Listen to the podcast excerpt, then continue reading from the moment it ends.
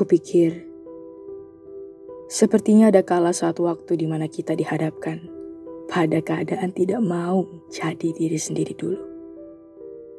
Seperti penulis meninggalkan kertasnya, pelukis meninggalkan kuasnya, nelayan meninggalkan lautnya, petani meninggalkan sawahnya.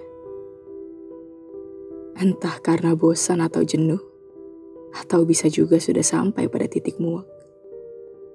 Atau mungkin juga hancur karena terus-menerus berhadapan dengan diri yang itu-itu melulu. Kembali menjadi nol dan menjelma seperti bayi yang belum pernah bertemu dengan banyak hal buruk. Menjelma seperti anak kecil yang dilindungi dari badai dan petir yang bergemuruh. Menjelma menjadi sosok yang siap untuk diisi oleh banyak hal-hal baru. Setelah sebelumnya terhalang dan terbatasi oleh diri yang sudah merasa penuh. Aku tidak begitu yakin, tapi kurasa perasaan ini juga mungkin dirasakan oleh banyak orang di luar sana.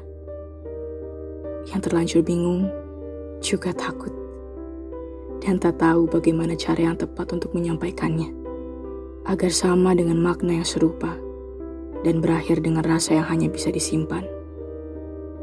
Tak pernah tersampaikan pada siapa-siapa